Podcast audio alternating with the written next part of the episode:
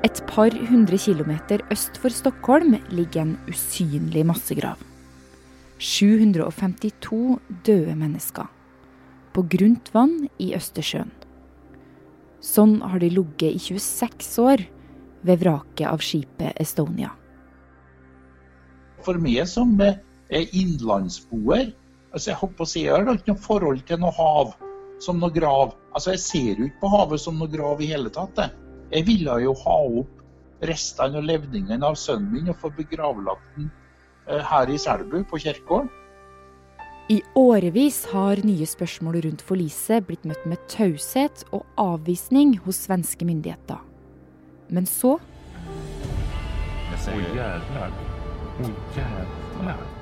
fant noen dokumentarfilmskapere et hull.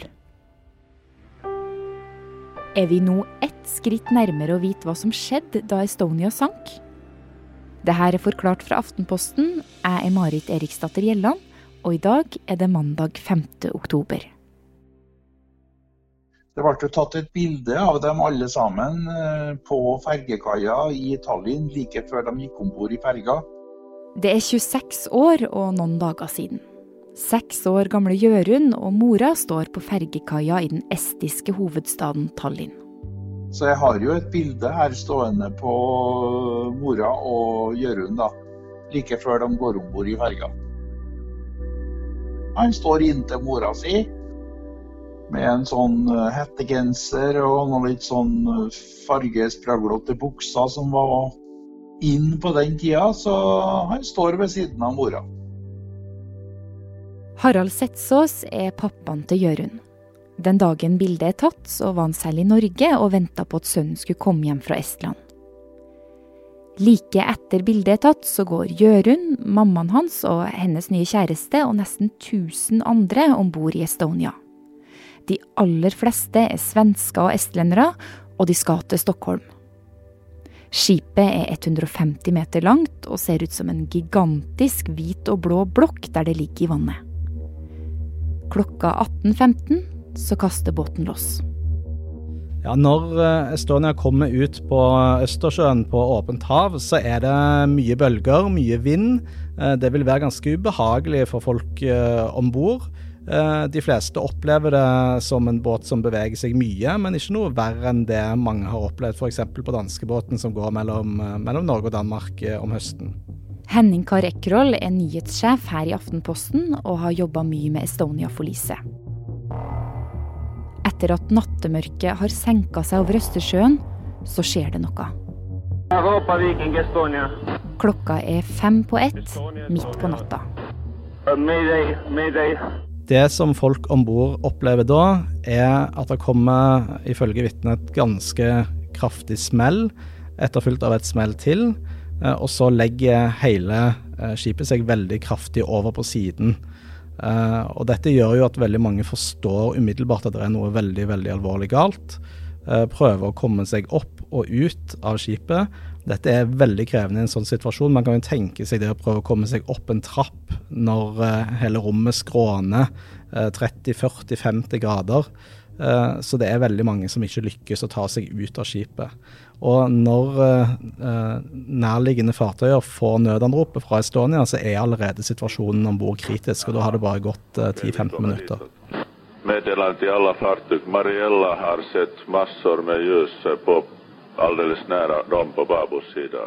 Det som skjer videre, er at eh, skipet legger seg eh, stadig mer og mer over på siden. Til slutt eh, ligger det helt ned på siden i vannet, sånn at skorsteinen treffer havet.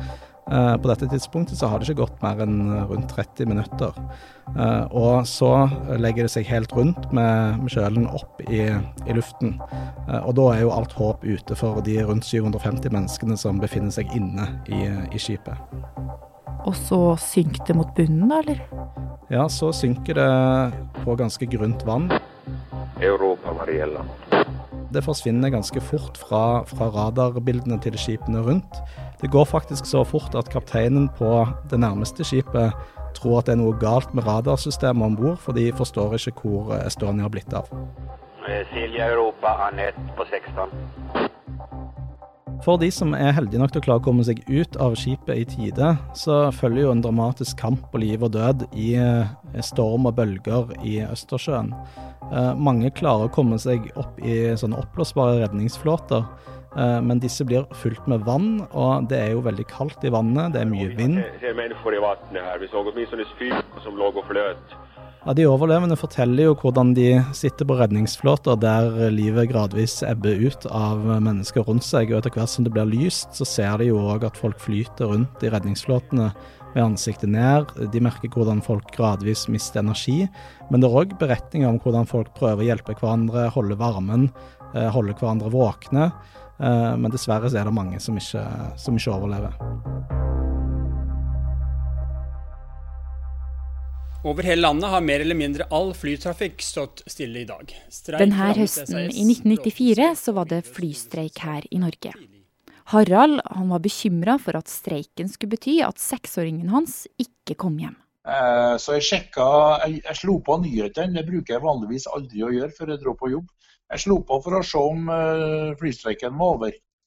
Og det, og det er jo det som er merkelig, for at det, hele nyhetssendinga var jo dekt av Estonia-ulykka. Men jeg altså er registrert ikke noe ulykke i Østersjøen før jeg dro på jobb. Men når han kommer på jobb, så begynner det å demre. For kollegaen snakker om ei enorm båtulykke på Østersjøen. Og det går opp for Harald at det kan være det her skipet sønnen og eksen hans er på. Så dro jeg hjem, og så satt jeg her i uvissheten da, inntil etter hvert tror jeg måtte være ute på kveldinga. Så fikk jeg beskjed om at uh, ikke, han ikke var blant de overlevende. da. Altså Akkurat på det tidspunktet så må jeg si at jeg ikke merka for så vidt så veldig mye av det. fordi jeg var i en slags Jeg var svevd på en måte utenpå meg sjøl. Først noen uker etterpå, da Harald så et stort bilde i avisa fra minneseremonien for sønnen og eksen, Da landa jeg. Da gikk hele greia opp for meg. Og da, den dagen gjorde jeg absolutt ingenting.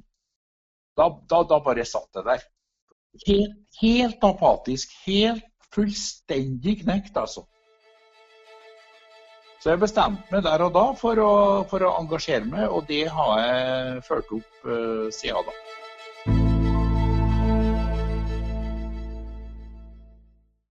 Ganske kort tid etter Estonia-ulykka så gikk svenske myndigheter ut og ga grunnen til forliset. Baugporten hadde falt av. Ja, For å forklare dette, så kan man jo se for seg en av disse danskebåtene som mange har sett. De har jo ofte en port helt foran på skipet, der biler og busser og lastebiler kan kjøre om bord. Og denne lemmen ble det sagt at hadde falt av pga. høye bølger.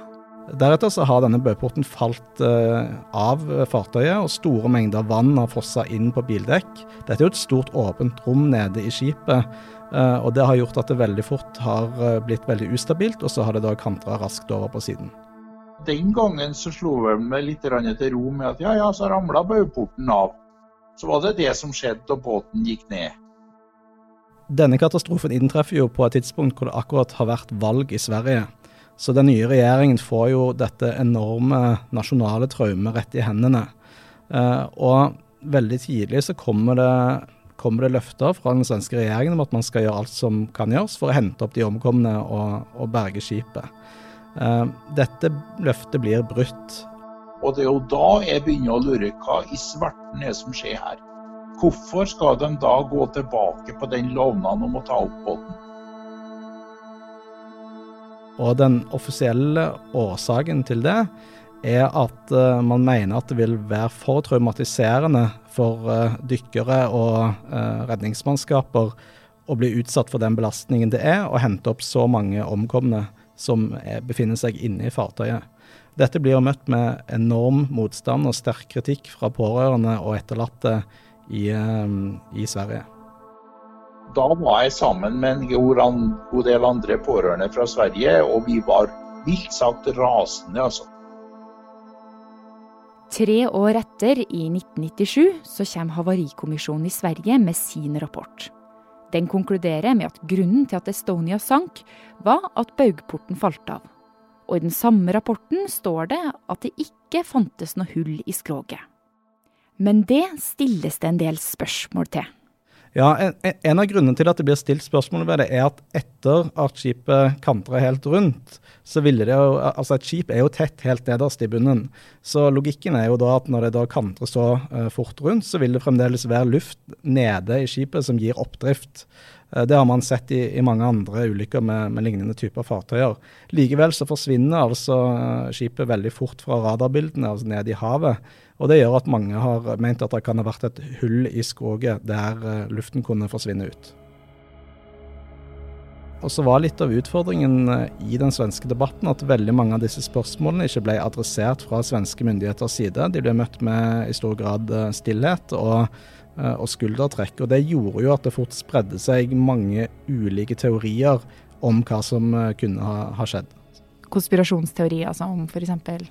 En av de mest utbredte konspirasjonsteoriene er at uh, skipet ble truffet av en ubåt, eller at det har blitt uh, senket av russisk etterretning. Uh, Senere så har jo svenske myndigheter vært nødt til å innrømme at Estonia ble brukt til å smugle ut russisk militærmateriell fra Estland. Ja, det vil vi også bekrefte at det har forekommet. Forsvarsmakten har fått over materiell. Men det var altså tidligere enn forlisningen skjedde. Eh, og det er klart at det bidrar jo til å styrke denne type konspirasjonsteorier. Estonia-katastrofen er jo i Europa den verste eh, maritime ulykken som har hendt i fredstid siden Titanic. Henrik Evertsson er journalist og skaper av en ny dokumentarfilm om Estonia. Ja, altså, som svensk så er det jo så, jeg er jo født 87 så jeg var jo bare sju år gammel når det her hendte, men det er klart at det har jo format mitt liv på mange sett. Og jeg tror at alle svensker har et veldig, veldig spesiell, en veldig spesiell relasjon til, til Estonia-katastrofen Og det har jo lenge spekulerats i at det skulle finnes et eh, hål i båten som gjør at hun sjunker så fort. Mm, och vi hade som journalistisk metod i, i redaktionen på Monster att eh, vi, om vi ska lyfta spekulationer och konspirationsteorier så ska vi också försöka att ta dem ner eller ta död på dem. Och därför så var det väldigt, väldigt viktigt att försöka se är det ett hål i båten eller inte för att kunna föra kunskap och fakta på bordet. Så han og flere i dokumentarteamet dro ut til Østersjøen. Alltså vi sitter ju i kajutan i, i det här uh, tyska fartyget som vi använder. Det är ju en ganska liten fiskeskorv som, som uh, heter Fritz Reuter och uh, det är ganska trångt. Och... og de bruker en dykkerrobot med kameraoverføring, en såkalt ROV. Okay, we see it now. Okay, we have visual contact with the shotline. Thank you.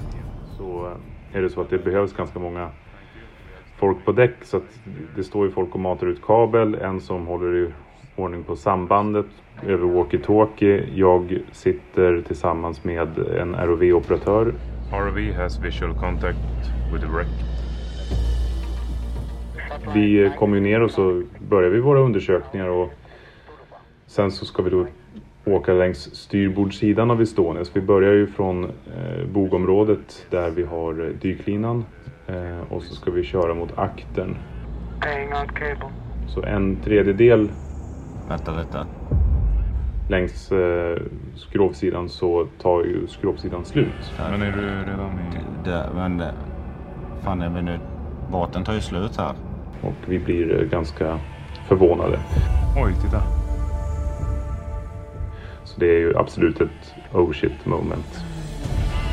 Oj oh, jävlar. Oj oh, jävlar. Det är ju ja. helt intryckt här ju. Ja.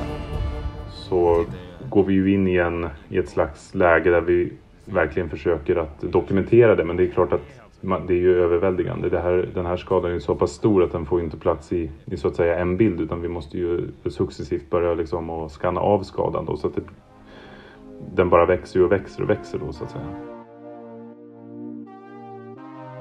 Så det som nu har hänt är ju att många eh, spekulerar och, och det är ju kanske ibland ganska vilda spekulationer av, om hur den här skadan uppkommit. Men faktum är att det, det står i rapporter att det, det inte ska finnas någon skada i Estonia. Men, men det gör ju det nu. Och sen hur den har uppkommit, det har inte jag någon aning om och det tänker inte jag spekulera i heller. Det kommer veldig mange nye spørsmål som bør besvares. Um, det er jo ikke åpenbart at hullet nødvendigvis har en direkte sammenheng med den offisielle uh, årsaken eller hendelsesforløpet rundt forliset som sådan. Men det er jo uh, veldig tydelig at det, det, at man ikke har visst om dette i offentligheten før det har gått 26 år, betyr jo at, er, at, man er nødt til å gjøre noen nærmere undersøkelser for å finne hvordan dette kan ha skjedd. Man kan kanskje trekke frem tre uh, hovedhypoteser. Det ene er jo at det var et sammenstøt mellom et objekt eller, et, eller en farkost i tiden rett rundt uh, forliset. Uh, det er blitt gjort utregninger på oppdrag av dokumentarfilmskaperne ved NTNU som anslår at man trenger en ytre kraft tilsvarende rundt 1000 tonn på størrelse med Nesoddferjene som treffer skip i en lav hastighet for å lage en, en så stor skade. Så det er ganske mye kraft det er snakk om her. Det er en mulighet. En annen mulighet er at uh, skaden oppsto da skipet sank og traff bunn. Det er gjerne litt mindre sannsynlig fordi bunnen består av veldig myk leire. Uh, så det er litt vanskelig å se for seg uh, hvilken kraft som kan utgjøre å, lage en sånn type skade. En siste mulighet er jo at skaden har oppstått pga. en eller annen ytre påvirkning på vraket i den tiden det har ligget på, på havets bunn. Så det her kan endre ting? Dette kan endre ting, og svenske myndigheter har jo nå sagt at de vil gå inn i dette. Den svenske havarikommisjonen har fått i oppdrag å undersøke dette nærmere. Eh, og den estiske statsministeren har sagt at de må gjennomføre eh, nye undersøkelser for å komme til bunns i hva som har skjedd. Eh, en tidligere estisk statsadvokat og granskingsleder for den estiske granskingen av ulykken har faktisk gått så langt som å si at de ikke lenger stoler på at svenske myndigheter kan håndtere dette på en på en sterk nok måte. Og Det er jo en, en ganske heftig påstand fra en uh, tidligere statsadvokat i et nordisk land. Nå er også Henrik Evertsson og en annen svenske blitt tiltalt for at de dro ned til vraket. Det er nemlig beskytta av en lov som sier at det er en gravplass, og at å dra ned dit er gravskjending. Svensk påtalemyndighet de mener dokumentarteamet brøyt gravfreden. Henrik sier de dro for å dokumentere, og at de aldri gikk inn i skipet eller filma noen menneskelige levninger. Så hva som skjer fremover, både med tiltalen og fremtidige undersøkelser, det er et åpent spørsmål. Det er jo det, og Så lenge det ikke er klarhet i hvorfor det skjedde, så, så vil det jo være en skamplett på hele Nordens historie og Vestens historie, vil nå jeg si. da. Det er rettferdighetssansen. Her må alle korta på bordet, og her må vi få henge bjella på rett katt, altså.